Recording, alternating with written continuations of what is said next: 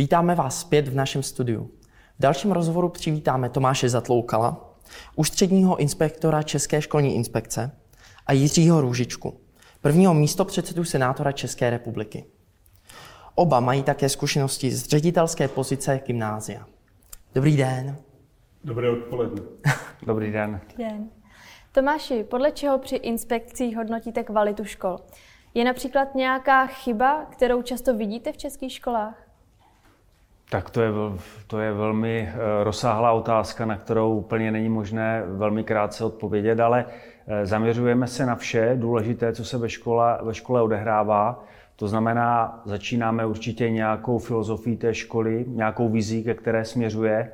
Eh, zajímá nás, jak ta vize je realizována, jak ji vnímají jednotliví aktéři v té škole, to znamená zejména teda učitelé, a pak samozřejmě, jak ji sdílí také žáci. Zajímá nás, eh, jak je budován ten pedagogický sbor ve vztahu k té vizi, k té strategii, jak jsou ti učitelé podporováni eh, ve své práci a jak se to všechno eh, projevuje ve výuce a jak se to projevuje ve vzdělávacích výsledcích těch žáků. Takže takto ve zkratce bych asi zhodnotil ten náš, nebo představil ten náš pohled na hodnocení. Je to samozřejmě velmi komplexní proces, je to vždy jakýsi expertní pohled, čili subjektivní hodnocení a proto je vlastně velmi důležité, aby ti naši inspektoři, ty inspekční týmy komunikovali eh, v té škole s vedením školy, s učiteli, ale také významně i s žáky, aby jsme si mohli udělat takovou celkovou komplexní představu o tom, jak kvalita a kvalitní vzdělávání ve škole probíhá. Hm, děkuji. Eh, mě by zajímalo, když eh, vlastně skončíte nějakou tu inspekci na, na škole, je možnost někdy najít třeba nějaký výpis z, z toho? Eh, ta informace o tom, jak eh, se té škole daří, eh, co by bylo dobré, na co se zaměřit a co rozvíjet, čili co jsou pro ní takové příležitosti ke zlepšení, tak se škola dozví jednak z toho našeho takového závěrečného hodnotícího rozhovoru, který vedeme jak s vedením školy, tak se snažíme také s učiteli, ale jsou tam i třeba zástupci zřizovatele té školy. Ale takový výstup, který je vlastně dostupný všem, je inspekční zpráva, která eh, musí být 10 let zveřejněna, je třeba zveřejněna na našich stránkách eh, České školní inspekce, ale také na eh, portálu, kde jsou vlastně všechny školy v České republice, které jsou zapsané v rejstříku a u, u každé té školy jsou všechny naše inspekční zprávy za posledních 10 let. Takže tam, si, tam se kdokoliv může vlastně o té škole dozvědět to, co uh, chce a to, co žádá. Já, já to doplním malinko z pozice někdejšího ředitele dlouholetého jednoho gymnázia. Eh, školy si většinou zveřejňují ty závěrečné zprávy z návštěvy České školní inspekce na svých webových stránkách a myslím, že to je velice důležité a důležité je to připomenout dneska, když probíhá škola Pragenzis, kde rodiče zajímá, jak jsou které školy hodnocené, tak by to měli najít na webových stránkách té školy, která je zajímá. Pokud to tam nenajdou, tak je něco špatně, když to tají ta škola. Určitě. Uh, otázka na vás oba. Kde, vidí, kde vidíte nedostatky českého školství? Po případě, jestli jsou nějaké nedostatky, které české školství má?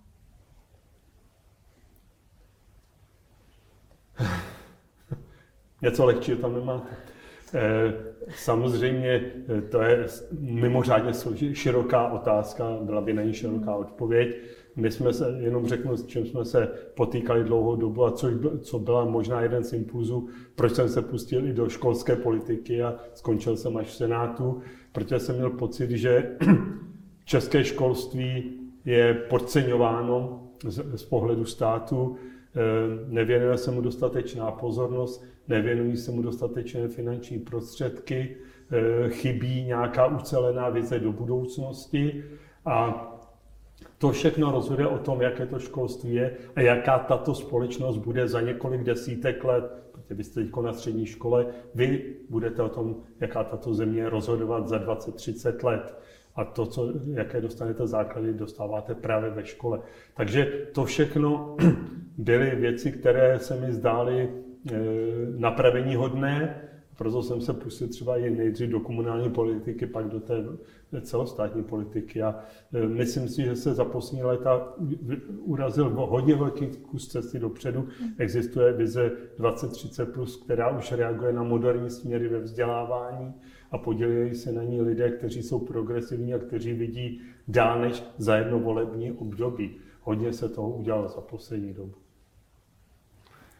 Eh, kdyby měl vybrat jeden velký problém, tak bych eh, asi zmínil ten, který eh, způsobuje to, že český vzdělávací systém nevyužívá potenciálu všech těch žáků, kteří v něm jsou. Většinou je to tak, a tak je to všude i v zahraničních vzdělávacích systémech, že to úspěšné vzdělávání záleží na tom, jaké kdo má předpoklady dispozice a ten vzdělávací systém je pak rozvíjí a snaží se využít maxima eh, toho potenciálu každého toho žáka, který v tom systému je. V našem vzdělávacím systému to úplně tak neplatí, protože tím rozhodujícím vlivem na to, jakého stupně vzdělání dosáhneme, jak budeme úspěšní v tom průběhu, záleží na rodině, do které jsme se narodili. Ta významně ovlivňuje potom to vzdělávání a eh, tím pádem, když se nám nedaří v těch školách minimalizovat ten vliv toho rodinného prostředí na to vzdělávání, tak eh, se nám pak vytvářejí vlastně regiony, které jsou na tom eh, vzdělávání, na, té dosaži- na tom výsledku toho vzdělávání velmi závislé a vlastně i nepříznivě ovlivněné. Příklad, kdybychom řekli kraj, jako je Ústecký, Liberecký, Moravskosleský, Karlovarský, Eh, tak eh, v těch krajích nejsou méně schopní učitelé, nejsou tam hloupější děti, žáci, studenti než kdekoliv jinde, ale jsou tam méně příznivé eh, podmínky rodinné. To znamená, je tam nižší míra dosaženého vzdělání té populace ve srovnání s jinými kraji, třeba s Prahou. Je tam nižší příjmová úroveň těch rodin. Je tam nižší kvalita bydlení. To jsou všechno věci, které právě dopadají na to vzdělávání. A když v České republice pouze, eh, pouze 22% dětí dosáhne vyššího stupně, stupně vzdělání než rodiče, a my máme kraje z nižší úrovní vzdělání, potom nemůžeme úplně předpokládat, že ty kraje se budou nějak dynamicky rozvíjet do budoucna, že tam třeba přijdou technologické firmy, že tam bude nějaký průmysl 4.0, protože v něm nebude mít kdo působit. Takže to je jakoby slabé místo, eh, na které se musíme jako systémově zaměřit, eh, tak jako se to, protože stejný problém samozřejmě nemáme jenom my, ale mají ho i zahraničí, ale u nás hraje ten vliv eh, nejvě, největší roli. A my se můžeme tím zase inspirovat do těch zahraničních systémů, jak to řešili. Já to trošku zase doplním. To je jedna z věcí, na kterou právě reagovala ta vize, kterou jsem zmínil, vize 2030+, plus, která o tomhle to mluví jako je, o jednom z velkých problémů českého vzdělávacího systému a české společnosti vůbec, bych řekl. A bude, chtěli, měl by se klást větší důraz na to, aby se potenciál těch žáků, studentů rozvíjel v míře vrcho, co nejvrchovatější.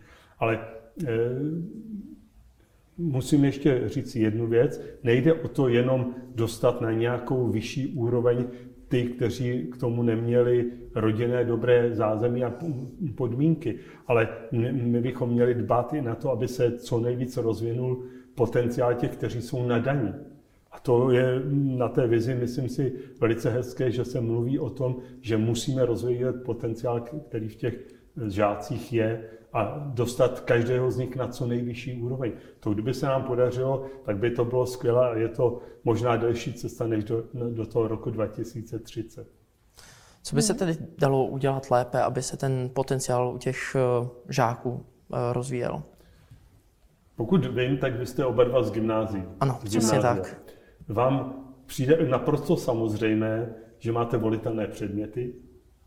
To je pravda. Ano, máte máme. volitelné předměty. Ano. Dělíte se na výuku jazyků, ano. Eh, dělíte se na výuku možná ještě některých jiných Máme předmětů. různé semináře. Máte různé no. semináře. Pravděpodobně chodíte tam, kde cítíte ten svůj potenciál a kam chcete směřovat. No. Takže říkám to jako příklad toho, že v tomhle tomu už se poměrně dlouhá cesta ušla. Dneska je to nepředstavitelné, že před 15-20 lety jedna třída čtyři roky chodila spolu do jednoho prostoru, dělili se na ruštinu podle abecedy a to bylo všechno. Všichni absolvovali všechno stejně. Hmm. Takže to je podle mě ta cesta, kterou je třeba jít a mm, je to takové trošku otřepaný bonmot, ale nemá cenu učit les rybu na strom. Je třeba ji zlepšovat v plavání. To je pravda. A dělá se to hodně, ono se o tom málo mluví. A teď se ukázalo, jako je to velký problém, protože když se teď mají učit čtvrtáci v homogenních skupinách, v homogenních třídách, tak najednou jsme všichni s překvapením zjistili, kteří o tom rozhodovali, že e, gymnázia se v podstatě mimo češtiny nemají co učit. Leda tak distančně. A mhm. to, tak tady je vidět, jaká cesta už se vykonala. Není to všude, ale je to nesmírně důležitá a nutné to udělat. Tak to je třeba příklad toho, eh, jak, eh, co pro to můžeme udělat. Protože to je jakási forma diferenciace. Eh, diferenciace zaměřená na zájem těch žáků, na jejich dispozice, na to, v čem se cítí dobří, silní, co by chtěli rozvíjet, tak si vybírají tu svoji vzdělávací dráhu a ta škola jim ji nabízí. Teď je zase druhá, druhá důležitá věc, kterou na gymnázích pocitujete méně než v jiných školách, to je, kdo vás učí. Jak, eh, jak je kvalifikován, jak je aprobován. Eh, my třeba máme na základních školách, když jsem zmínil třeba ty kraje, které jsou nějakým způsobem strukturálně postižené, tak třeba v Karlovarském kraji polovinu všech hodin na základní škole učí neaprobovaný pedagog. Takže eh, to je, a to má samozřejmě dopad potom na to, jak to vzdělávání probíhá. Protože jedna věc je, že já mám nějaké znalosti jako učitel a stejně důležité je, jak je umím předat těm svým žákům tak aby eh, to bylo pro ně zajímavé, atraktivní a vlastně to motivovalo v tom vzdělávání. A když vlastně máme polovinu náprobovaných hodin, tak 9 z 10 jsou vlastně vyučovány tak, že dominuje ten učitel. Že vlastně mluví naprostou většinu času a ti žáci mluví a vyjadřují se daleko méně. Čili ten učitel vlastně nemá od nich dostatečnou zpětnou vazbu, aby je třeba mohl diferencovat a mohl jim zadávat třeba odlišné úkoly, protože tento je šikovný, eh, je schopen zvládnout komplexnější úlohy, tady ti to potřebují nějakou jinou podporu, tak si je v rámci té třídy jsem schopen diferencovat. Ale musí mít do nich tu zpětnou vazbu. Aby ji mohl mít, tak ta výuka musí být oboustranní, interaktivní. A když není, tak není právě proto, že chybí ta didaktika těch předmětů, na kterou jsou ti učitelé připravováni v rámci té své přípravy na vysoké škole. Takže tím jsem chtěl, nechtěl jsem to komplikovat, jsem chtěl ukázat, že vlastně to nemá jako jedno jednoduché řešení. Mm. Je to vlastně velmi komplikovaný a komplexní problém, který se musí uh, řešit. Myslíte si, že je to způsobeno třeba nízkým platem učitelů v České republice? No určitě hraje významnou roli, když se někdo rozhoduje o svém uh, budoucím povolání, také to, uh, jakou bude mít uh, perspektivu. To znamená, jakou životní úroveň si tím svým povoláním zajistí. Ano, je celá řada učitelů, kteří to dělají, protože to nesmírně baví.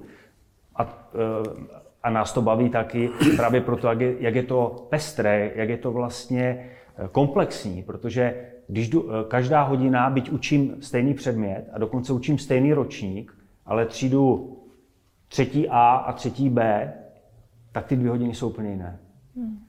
Díky tomu, že tam učím jiné žáky, je to, je to úplně jiná situace. Eh, takže na to neexistuje vlastně jeden recept a to je to kouzlo to učitelského povolání a profese, že je to hrozně jako různorodé. Eh, I v průběhu té hodiny.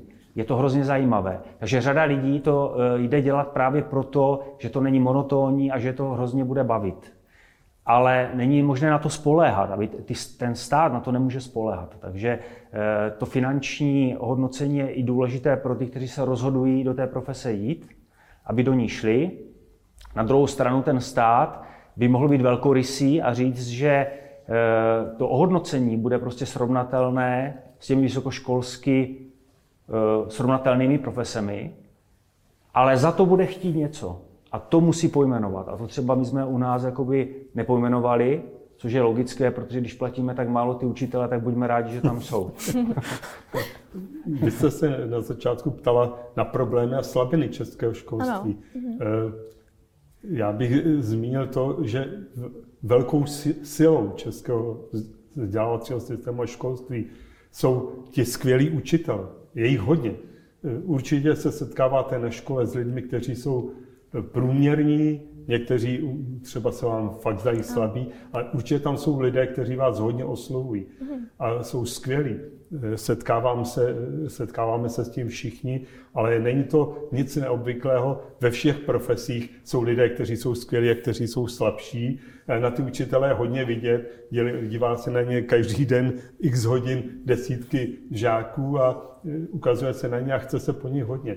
Stát se k tomu stavil velice Eh, macešsky k těm učitelům. Eh, pan inspektor mluvil o tom eh, v porovnání s ostatními vysokoškolskými profesemi. Teď jsme na nějakých 65% platu jinak, jiných vysokoškoláků. Tak sice se něco dohnalo, ale pořád je to málo.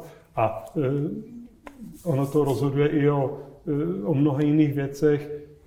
Rozhoduje to o tom, kdo v těch školách je. Na některé obory jste rádi, že vůbec někoho máte. Na některé obory byste si mohli vybírat, ale zase není hmm. třeba eh, tolik hledat, ale eh, je to dáno tímhletím, tímhletím taky, ale pořád trvám na tom, že těch skvělých učitelů je hodně a teď, když sleduju tu distanční výuku, která je nesmírně náročná. Nesmírně náročná je pro vás jako pro studenty, ale pro ty učitele ještě víc. A teď, když k tomu přibylo, že část mají učit prezenčně a část distančně, tak to je teda s prominutím mazec. Teda. Hmm. Eh, já myslím, že bychom vlastně obtížně hledali tak jako na rychlo profesi, která ze dne na den musela úplně proměnit způsob uh, své práce. Jeden den uh, jsme učili ve třídě, tak jako 150 let předtím, a další den jsme učili úplně v jiné podobě a nikdo z těch učitelů vlastně na to nebyl systematicky připravován a zvládli to.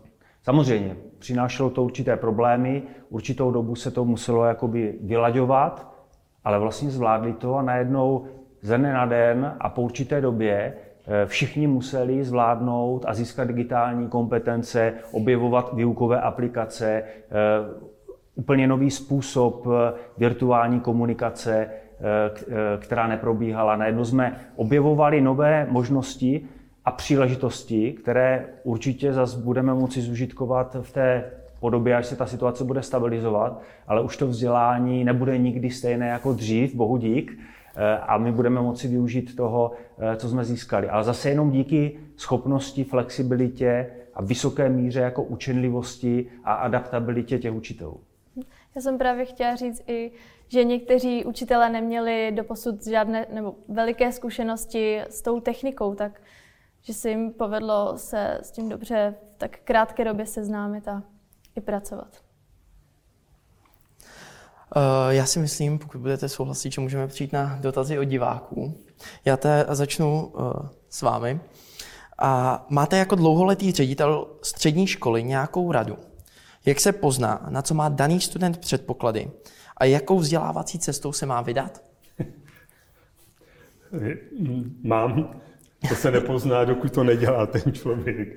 Eh, eh, všichni známe, že člověk na základní škole eh, nějak prochází, jak něčemu inklinuje. To je normální. Někdo, někdo je schopný se pohybovat ve všem, někdo jenom v něčem a tak dále. Podle toho si pak asi vybírají trošku střední školu a jdou na tu střední školu a pokud se daří na těch školách, to, o čem jsme už mluvili, o té vnitřní diferenciaci, tak už si tam tu svoji vlastní cestu vybere.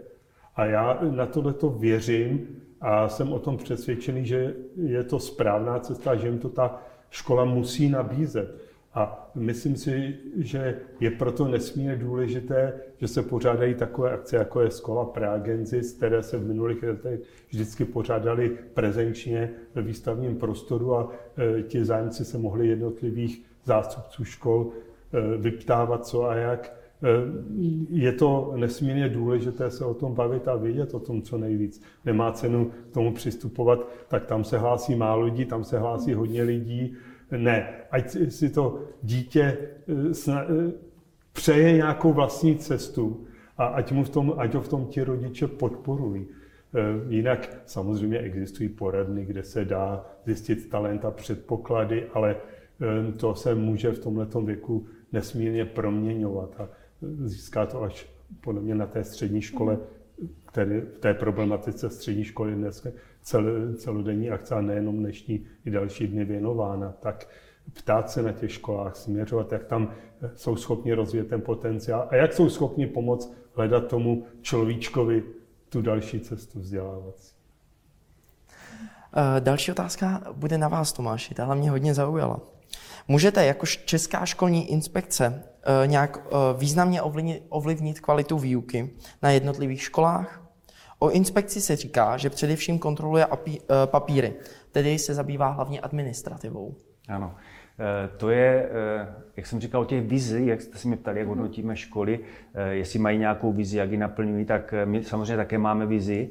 A jedna z těch, nebo jedno z podstatných cílů, které máme v rámci naplňování té vize, je eh, soustředit se na hodnocení. Eh, kontrola papíru vám nikdy neřekne o tom, jak ta škola eh, funguje. To, že zkontrolujeme nebo zkontroluje někdo třídní knihu, vůbec neříká, jak ta výuka probíhá, jaké vzdělávací výsledky jsou těch žáků, co a, a jak ten učitel posunul ty své žáky. Takže kontrola to je jenom jako, eh, to může být nějaký prostředek nebo něco, co sleduje, zdali eh, ten vzdělávací proces probíhá v nějakém zákonném rámci, ale my se soustředujeme na kvalitu a jak můžeme pomoci té kvalitě?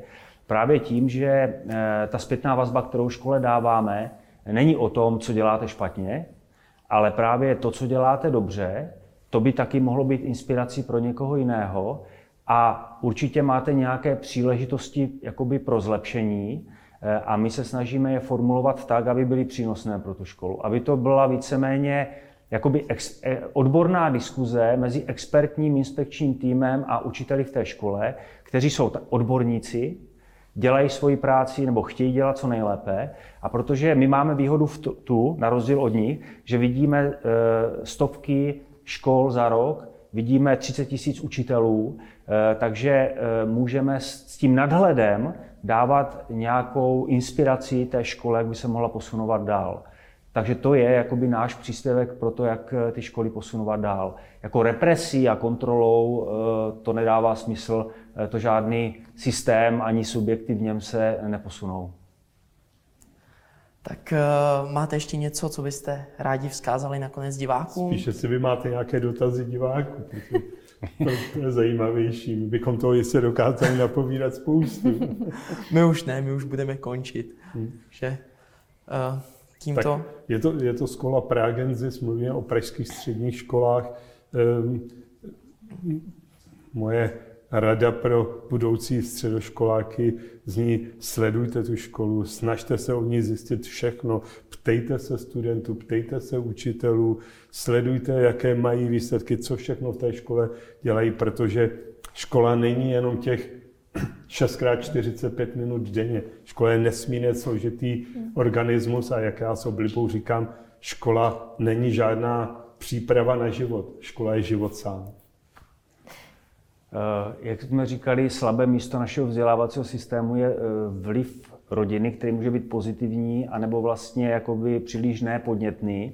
A je potřeba říci, že třeba řada rodin eh, jednak v této době řeší dost zásadní existenční problémy a nemá úplně čas a prostor právě třeba pomoci svým dětem vybírat jejich budoucí vzdělávací dráhu, takže tato vaše akce je velmi dobrou příležitostí. Já bych jenom zmínil, že ještě existují eh, takový koncentrovaný zdroj informací o školách, o jejich vzdělávacích programech, o tom, co školám nabízí. Je portál České školní inspekce, na kterém jsou všechny školy, je možné si je vybrat podle druhu oborového zaměření, podle lokality, eh, a ten náš portál je také propojen s portálem infoabsolvent.cz, který je zaměřen přímo na střední školy, kde jsou ještě další informace o tom oborovém zaměření těch odborných škol. Takže to bych doporučil eh, a na to je možné se podívat v klidu z domu eh, přes internet, tak aby ten výběr byl co nejlepší a odpovídal co nejvíc zájmu každého, kdo chce na střední školu. Tak jo, my vám moc děkujeme za váš čas, že jste přišli a vedli s námi tento velmi zajímavý rozhovor a Přejeme vám do budoucna mnoho úspěchů. A v téhle době taky hodně zdraví, samozřejmě. To hlavně asi teďka. My vám přejeme, ať se brzo vrátíte do škol a Děkuji. abyste byli negativní a zůstali pozitivní. Mě už to čeká příští týden. Děkujeme i Děkujeme. divákům za sledování a uh, uvidíme se při dalším přenosu. Děkujeme. Naschledanou. Hezké odpoledne. Naschledanou. Naschledanou.